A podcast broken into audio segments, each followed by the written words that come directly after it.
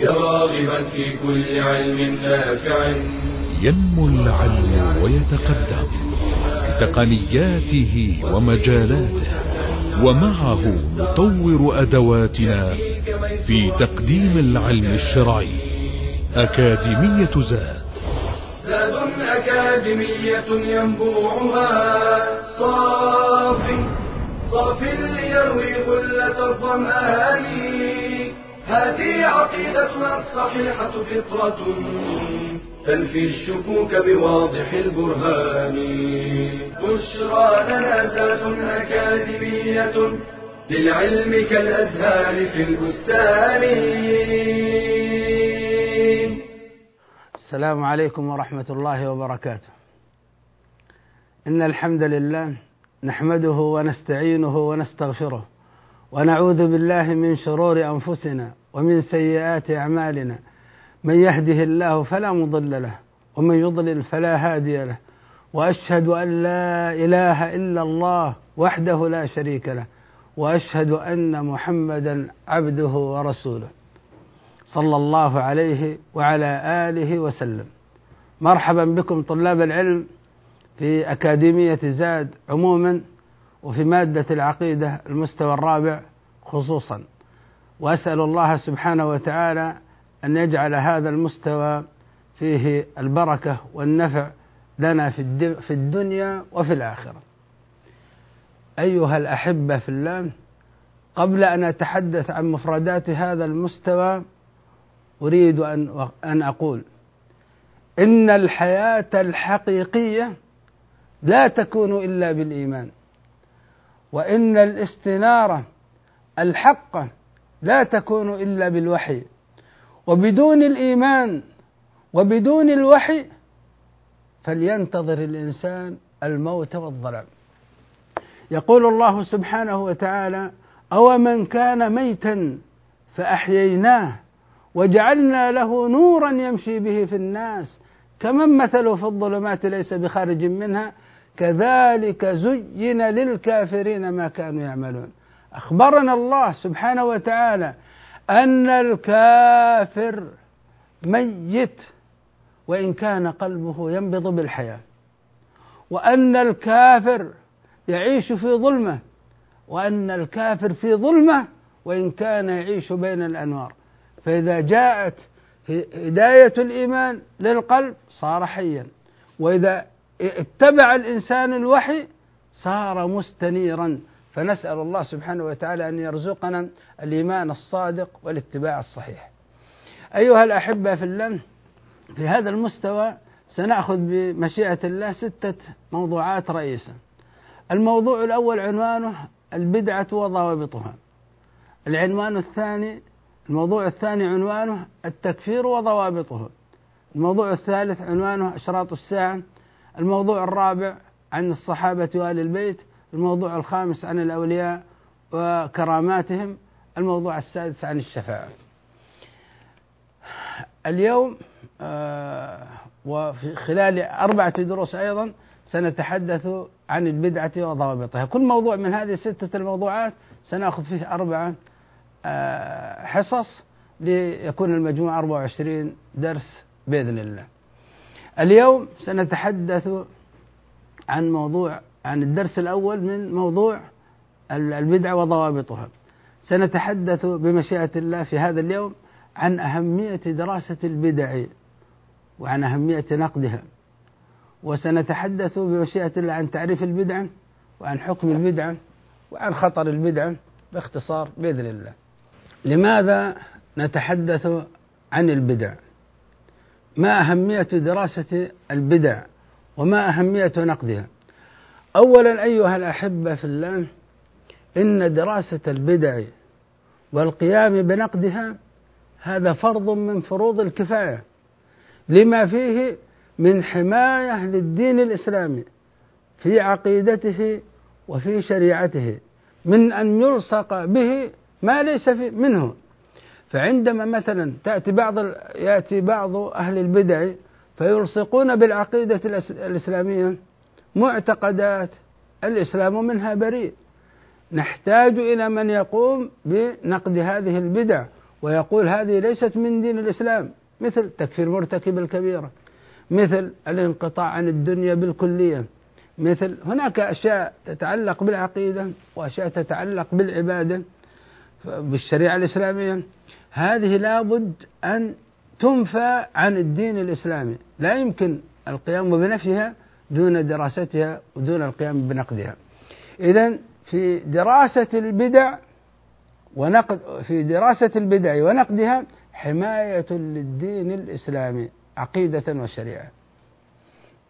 كذلك أيها الأحبة في الله في دراسة البدع ونقدها وقاية للمسلمين من أن يتلبسوا بتلك المعتقدات البدعية أو العبادات التي لم يشرعها الله ولم يشرعها رسوله صلى الله عليه وسلم. كذلك أيها الأحبة في الله عندما نقوم بنقد البدع وطرد البدع تحيا السنن فتنتشر السنة. لماذا؟ لأن الذي يميت السنة للأسف الشديد هو وجود البدع. كل ما ظهرت بدعة كان ظهورها على حساب إماتة سنة فعندما نحن نزيح هذه البدع ننقد هذه البدع. لا بد أن يتعلم سيتعلم الناس ما هي السنة في هذا الأمر فتنتشر السنة. كذلك يا إخوان هناك بدع مكفرة هناك بدع ليست مكفرة هناك بدع حقيقية هناك بدع إضافية. كيف نستطيع أن نحكم على البدع وعلى أصحابها فنأتي بالحكم الصحيح إلا إذا قمنا بدراسة البدع؟ فدراسة البدع في منتهى الأهمية. أيها الأحبة في الله هناك أشياء من مسلمات ديننا الإسلامي. لا بد وهي محكمة. لا بد أن ننشرها بين الناس. المحكم الأول أنه واجب علينا أن نتعبد لله سبحانه وتعالى. قال الله عز وجل يا أيها الناس اعبدوا ربكم الذي خلقكم والذين من قبلكم لعلكم تتقون.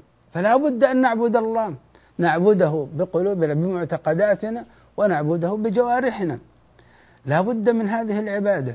لكن يجب المسلمة الثانية أن الله عز وجل أوجب علينا التعبد بالإسلام وليس بالآراء والأهواء والأذواق. إنما أوجب علينا التعبد بالإسلام الذي ختم الله به الأديان. فلا يقبل الله التعبد له بغيره. قال تعالى إن الدين عند الله الإسلام. وقال سبحانه وتعالى ومن يبتغي غير الإسلام دينا فلن يقبل منه وهو في الآخرة من الخاسرين. إذا واجب علينا أن نعبد الله لكن نعبد لكن نعبده بدين الإسلام. ثم المسلمة الثالثة أن دين الإسلام دين كامل وتام من عند الله سبحانه وتعالى. وقد بلغه الرسول صلى الله عليه وسلم بكماله وتمامه في عقيدته وفي شريعته. فدين الإسلام لا يصح الزيادة فيه ولا يصح النقص منه فكلاهما الزيادة والنقص تحريف لدين الإسلام وابتداع فيه نهى الشرع عنه ولا يقبل من الإنسان. لا بد هذه المسلمات أن تكون عندنا ونحن نبدأ في دراسة البدع. نتمسك ونحن ندرس البدع بقول الله سبحانه وتعالى اليوم أكملت لكم دينكم وأتممت عليكم نعمتي ورضيت لكم الإسلام دينا. رضيت لكم الإسلام دينا. نتعبد الله بالإسلام الذي هو كامل. ونتمسك بقوله سبحانه وتعالى يا أيها الذين آمنوا لا تقدموا بين يدي الله ورسوله. واتقوا الله إن الله سميع عليم. واجب علينا في أمر العقيدة أن نؤمن بخبر الله عن نفسه عن ملائكته عن كتبه عن رسله عن اليوم الآخر عن القضاء والقدر أن نتمسك بخبر الله سبحانه وتعالى دون شك ودون تقدم. نقول هذا نقبله هذا لا نقبله فنجعل هذا الخبر موزون ودون إلحاد. لا نميل عن الحق الثابت في الخبر لا يمنة ولا يسرا. وواجب علينا في في التعبد لله سبحانه وتعالى في الشريعة أن نمتثل لما طلبه الله عز وجل منا بلا شرك ولا اعتراض ولا ابتداع. ننطلق في دراسة البدع من خلال هذين الأمرين. نأخذ فاصل ونعود إليكم بمشيئة الله سبحانه وتعالى. بشرى لنا أكاديمية للعلم كالأزهار في البستان.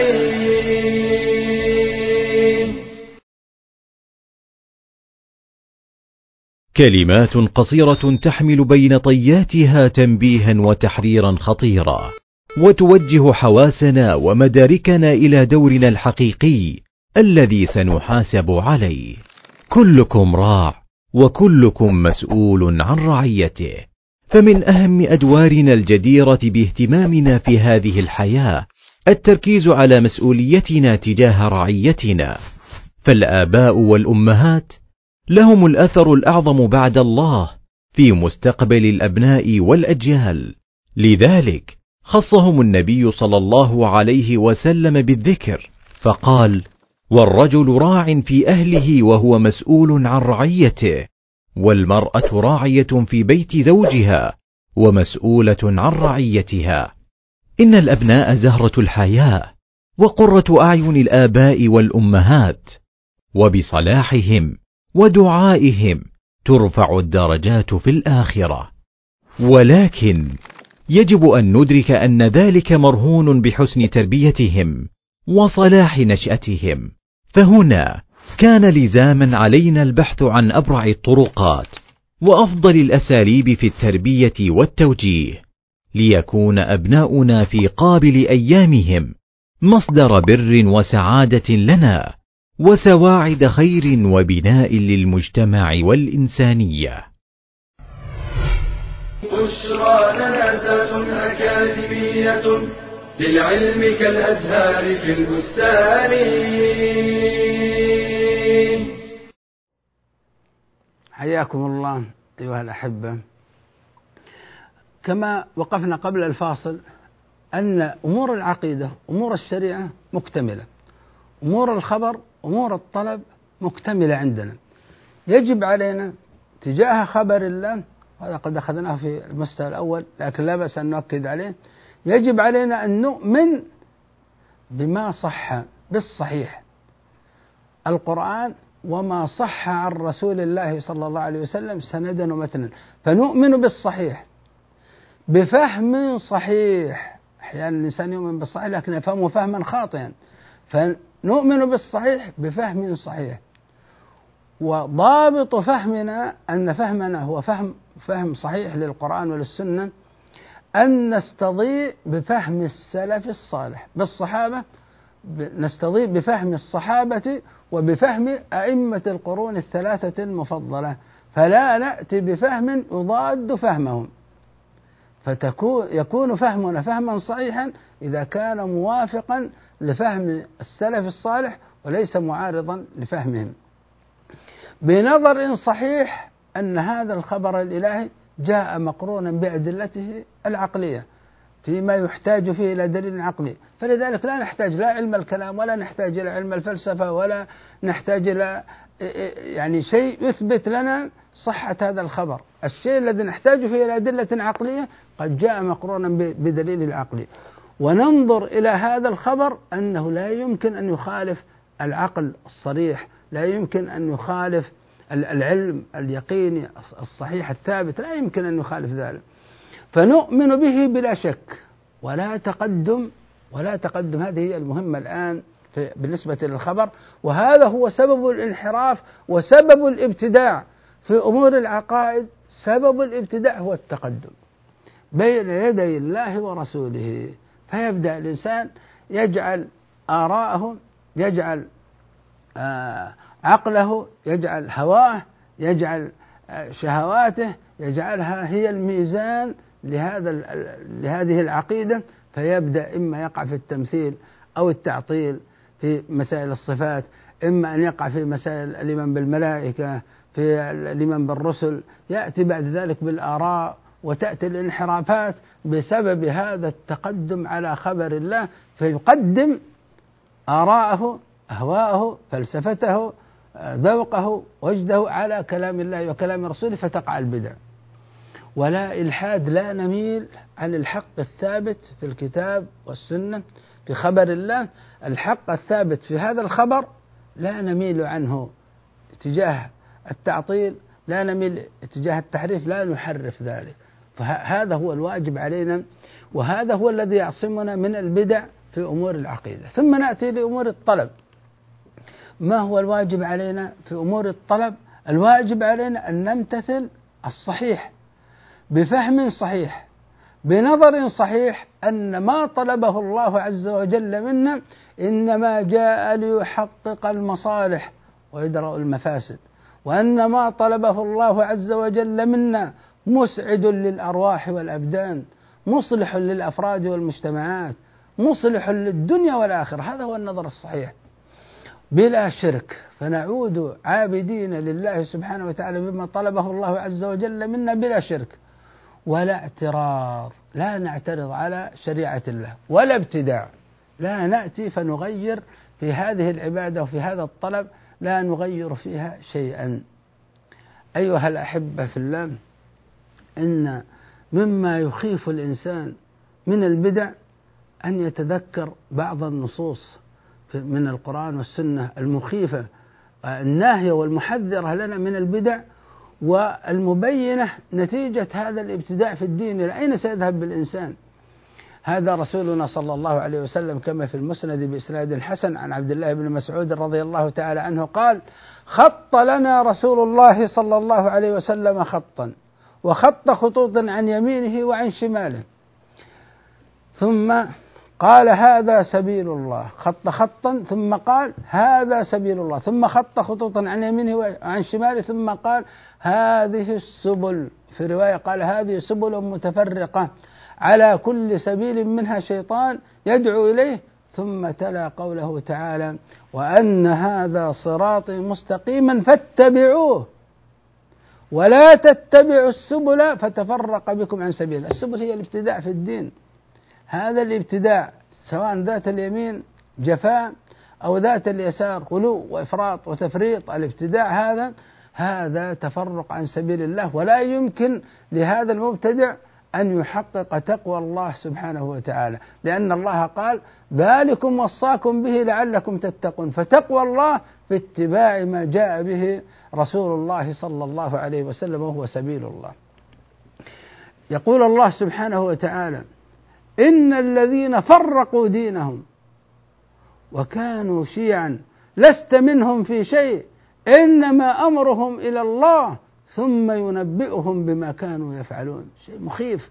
إن الذين فرقوا دينهم فرقوا دينهم تأتي بمعنى فرقوا دينهم تأتي بمعنى فارقوا دينهم.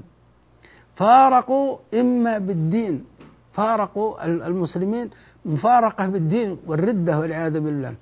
أو فارقوهم بالسلاح فخرجوا على مجتمعهم بالسلاح. إن الذين فرقوا دينهم بمعنى فارقوا إما مفارقة دينية أو مفارقة بالسلاح كفعل الخوارج. فارقة بالدين الارتداد عن دين الله. ويأتي بمعنى ويأتي فرقوا دينهم بمعنى التفريق للدين بأخذ بعضه وترك بعضه وهذا ابتداع أو الابتداع في الدين. بمجرد أن يحدث الابتداع في الدين يحدث الفرقة بين المسلمين. لأن هؤلاء الذين ابتدعوا سيكونون شيعا على بدعتهم ويكونوا حزب لأنهم يتحزبوا على هذه البدعة فتكون هذه الفرقة ثم بعد ذلك يحدث الخلاف في الأمة الإسلامية. يقول الله سبحانه وتعالى محذرا من هذا الفعل من هذا الابتداع في الدين إن الذين فرقوا دينهم وكانوا شيعا. لست منهم في شيء إنما أمرهم إلى الله ثم ينبئهم بما كانوا يفعلون. ما هي تعريف البدعة؟ البدعة أيها الأحبة في في اللغة العربية معناها الاختراع على غير مثال سابق. ومنه قوله سبحانه وتعالى بديع السماوات والأرض. أي مخترعهما على غير مثال سابق. ويقال أبدع فلان بدعة يعني ابتدأ طريقة لم يسبق إليها. ابتدع طريقة لم يسبق إليها. وفي الاصطلاح وفي الشرع هي طريقة مخترعة في التعبد.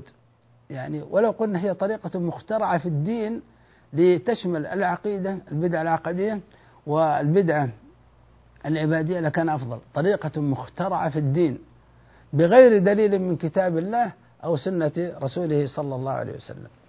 سنأخذ يا إخوان تأملوا معي ضابط تحديد البدعة البدعة يعني هي أمر لا إذا أردنا أن نربطه بالدين هذا الأمر يكون حدث بعد عهد الرسول صلى الله عليه وسلم. فالبدعة هي الأمر الحادث بعد رسول الله صلى الله عليه وسلم. هذا الأمر الحادث بعد عهد النبي صلى الله عليه وسلم. ننظر إليه. حدث في الدين ولا في الدنيا؟ إن كان هو حادث في الدنيا مثل إحداث السيارات هذه ما كانت في عهد النبي صلى الله عليه وسلم. آه، عمائر فخمة نوافير آه، مناظر جمالية أشياء. تكون هذه أمور حدثت بعد عهد النبي صلى الله عليه وسلم لكنها أمور دنيوية. طالما تتعلق بالدنيا إذا هذه تخرج عن كونها بدعة ضلالة. إنما هذا ابتداع هذا إبداع. هذا الأمر في أمور الدنيا المجال مفتوح. للابتكار والابتداع والاختراع والتطوير في أمور الدنيا هذا مجاله. كل ما من شأنه. أن يسهل على الناس حياتهم وعلى الحيوان كذلك. كل ما من شأنه أن يسهل. أبدع الإنسان فيه واخترع فيه ونوى به وجه الله يثاب على ذلك. أما إذا كان في في الدين وليس في الدنيا الآن دخلنا في المجال الذي نريد أن نتحدث عنه. حدث هذا الأمر بعد عهد النبي صلى الله عليه وسلم لكن في الدين فننظر إلى السبب المقتضي لإيجاده. لماذا أوجدتم هذه البدعة؟ فإذا كان السبب المقتضي لإيجاده كان موجودا في عهد النبي صلى الله عليه وسلم مثل محبة الرسول صلى الله عليه وسلم. لكن الرسول صلى الله عليه وسلم لم يفعله لم يحث على فعله فهذا هو البدعة الضلالة. نأخذ فاصل ثم نكمل هذه القضية بعد الفاصل بمشيئة الله. بشرى لنا أكاديمية للعلم كالأزهار في البستان.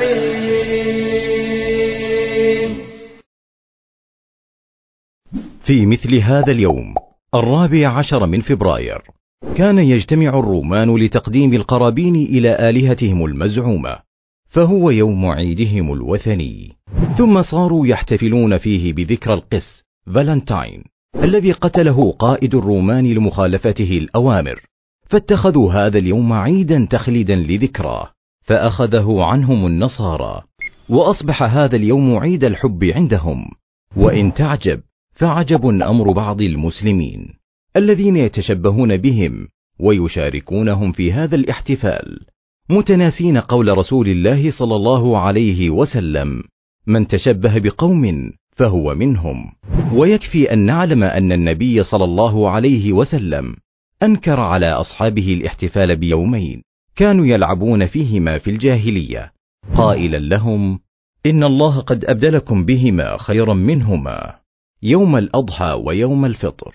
فليس للمسلمين إلا عيد الأضحى وعيد الفطر. وعليه فلا يجوز للمسلم الاحتفال بهذا اليوم الوثني وإظهار البهجة فيه مشاركة المحتفلين به بيع الهدايا المخصصة لعيد الحب أو شراؤها أو قبولها هدية.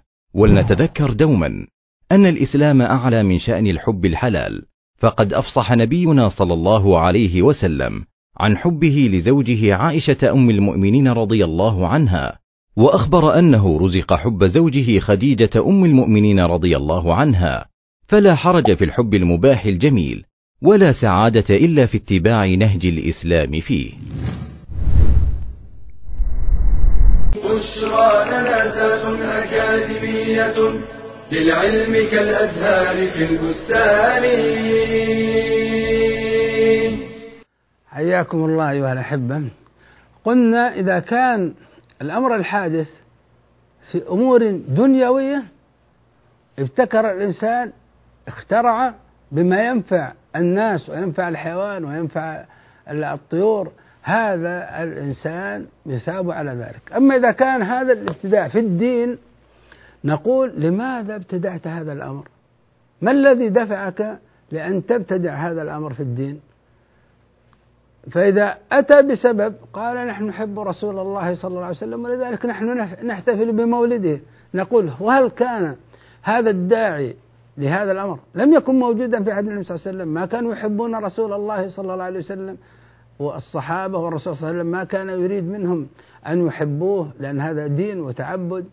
هذا السبب كان مقتضى كان موجودا في عهد النبي صلى الله عليه وسلم والنبي صلى الله عليه وسلم لم يحث على هذا الأمر ولم يمدح فاعله ولم يطلب من الناس أن يفعلوه إذا هذه بدعة ضلالة أما إذا كان السبب المقتضي لإيجاده لم يكن موجودا في عهد النبي صلى الله عليه وسلم فينظر إلى هذا السبب لماذا؟ هل هو بسبب تقصير المسلمين؟ مثال آه يقول مثلا آه هناك حاجة إلى أخذ ضرائب من الناس. طيب لماذا؟ لوجود فقراء ولحاجة بيت المال لهذه لدعم الناس له. يقال هل أنتم الآن استوفيتم المنفذ الشرعي وهو الزكاة؟ فإذا كنتم أخذتم الزكاة الحمد لله. فصار هذا إذا, أنتم لم تأخذوا الزكاة من الناس أهملتم موضوع الزكاة ثم ابتدعتم هذا الأمر من أجل إعطاء الفقراء والإحسان إلى الفقراء نقول لا هذا هذا السبب المقتضي لإيجاده هو بسبب تقصير المسلمين في التزام شريعتهم فيكون هذا الأمر بدعة إضافة إلى كونه محرم. أما إذا كان لا ما في أي تقصير. لكن كان هذا الأمر خارج عن إرادة الناس. مثال المؤذن يؤذن الآن للصلاة لو كان على يعني من غير مكبرات الصوت لو أذن ما سمعه من هو أسفل المسجد من هو أسفل عند باب المسجد لا يسمعه ولو صعد إلى أعلى لا يسمعه لوجود المصانع ووجود الضجيج والسيارات والمكيفات والأشياء.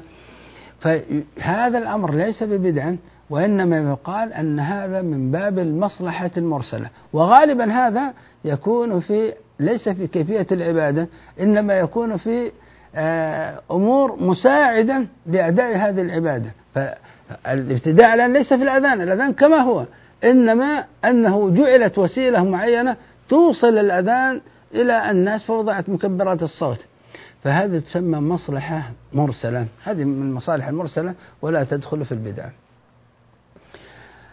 آه إذا نقول عن ضابط البدعة البدعة نقول هي إحداث أمر في الدين. لا في الدنيا. إحداث أمر في الدين سواء في العقيدة أو العبادة لم يثبت عن رسول الله صلى الله عليه وسلم ولا عن صحبه الكرام.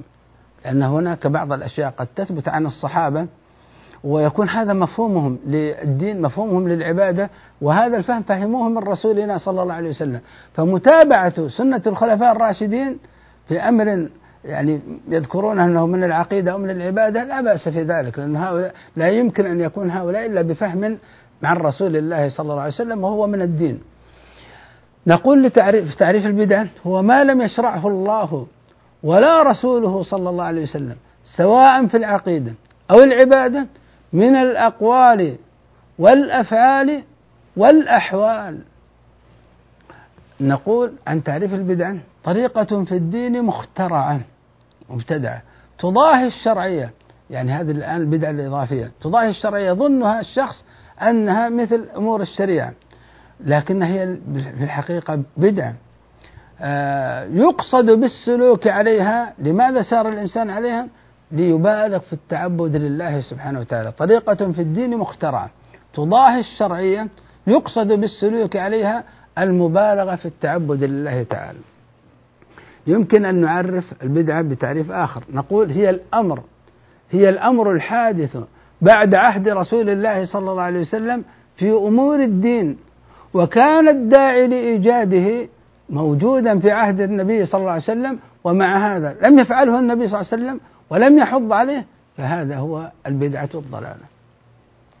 أيها الأحبة في الله لو جئنا إلى باب العبادة بالذات نقول المقصود بالاتباع في العبادة. المقصود أن نعبد الله وأن نكون في عبادتنا لله متبعين لما شرعه الله. فالمقصود بالاتباع في العبادة عبادة الله. وفق ما بينه لنا رسول الله صلى الله عليه وسلم بدون اختراع عبادة جديدة أو تعديل وتغيير في العبادة المشروعة. بدون اختراع عبادة جديدة فتكون بدعة حقيقية. أو تعديل وتغيير في العبادة المشروعة فتكون هذه بدعة إضافية. نوضح يا أخوان هذا. يجب عندما نتبع في العبادة المشروعة أن نوافق العبادة في ستة أمور. الأمر الأول أن نوافق في السبب. فنلتزم العبادة كما شرعت في سببها إن كانت من ذوات الأسباب كصلاة الخسوف والكسوف. لا يأتي شخص يقول والله أنا يعني الآن كما ترون الأحداث وكما ترون كذا أنا أريد أن أصلي صلاة الخسوف أو صلاة الكسوف لكن بدون سبب لا يوجد لا خسوف قمر ولا يعني كسوف شمس. ثم يأتي هو يصلي صلاة الخسوف والكسوف. لماذا؟ قال هكذا يعني خوفا من الله سبحانه وتعالى. نقول لا لا بد أن تلتزم بهذه العبادة تلتزم بها في سببها. فتلتزم بالسبب الذي من أجله شرعت. أو تل الأمر الثاني أن تلتزم في العبادة بجنسها. أن تلتزم بالعبادة كما شرعت في جنسها إن كانت مطلوبة من جنس محدد كبهيمة الأنعام في الأضاحي. الأضاحي إبل بقر غنم. ما يأتي إنسان ويقول يعني الناس الآن في حاجة دجاج أو حمام. أو كذا. يقول هذه يأكلها الناس خلاص لا تلتزم بالعبادة في جنسها طالما أنه حدد جنس العبادة. أن تلتزم في العبادة بقدرها فتلتزم بها كما شرعت في قدرها إن كانت مقدرة. بعدد معين صلاة الفجر ركعتين. أو وزن معين صاع مثلا. أو مقدار معين وهكذا تلتزم بقدرها الذي شرعت فيه. فإن أردت تغير في القدر هذا تقول أنا أريد مثلا أزكي زكاة الفطر بدلا عن صاع أريد أن أزكي بصاعين هكذا. وأحث الناس على صاعين لحاجة الناس. نقول لا الآن تلتزم بالقدر الذي شرعه الله. تريد أن تتطوع في صدقة زكاة شيء آخر. غير هذا لك ذلك لكن تلتزم بقدرها. تلتزم بكيفيتها. تلتزم بالعبادة كما شرعت في كيفيتها وهيئتها. وترتيبها كالوضوء والصلاة. مثل الوضوء تلتزم. تبدأ بالوجه مع المضمضة والاستنشاق ثم بعد ذلك اليدين ثم الرأس ثم الرجلين. لو قال شخص يا أخي ما, ما فرقت أنا أبدأ برجلي ثم يدي ثم رأسي ثم وجهي نقول لا ما ينفع هذا. لا بد أن تلتزم بها في كيفيتها وهيئتها وترتيبها كما شرعت. تلتزم في العبادة بزمنها طالما هي شرعت في زمن معين كالحج. ما يأتي إنسان يقول لا نقسم الناس ناس يحجون في شهر ذي الحجة وناس يحجون مثلا في شهر رجب أو شعبان أو هكذا حتى نخفف الزحام. لا تلتزم بالعبادة هذه بزمانها. تلتزم بها في مكانها كما شرعت في مكانها كالاعتكاف في المساجد. وهكذا. ما تأتي أن تقول أنا أريد أن أعتكف مثلا في المغارات أريد أن أعتكف في الكهوف. لا تلتزم بها. فلا بد في العبادة أن نلتزم بسببها بجنسها بقدرها بكيفيتها بزمانها بمكانها. البدعة الإضافية هي أن تأتي تتلاعب بهذه الأمور. تتلاعب بالكيفية تتلاعب بالزمن تتلاعب بالمكان بالقدر هذا يفسد الأمر ويدخل الإنسان في باب البدع. أيها الأحبة في الله البدعة أمرها خطير وأمرها محرم. حرمه الله حرم الله الابتداع في دينه وحرمه رسوله صلى الله عليه وسلم. وعد الله سبحانه وتعالى من يبتدع في الدين. فيأتي بعقائد شركية بعبادات بدعية. يحرم ما أحل الله يحل ما حرم الله. اعتبره الله سبحانه وتعالى جعل نفسه ندا والذي يقبل به جعله ربا مع الله سبحانه وتعالى. قال الله عز وجل أم لهم شركاء شرعوا لهم من الدين ما لم يأذن به الله.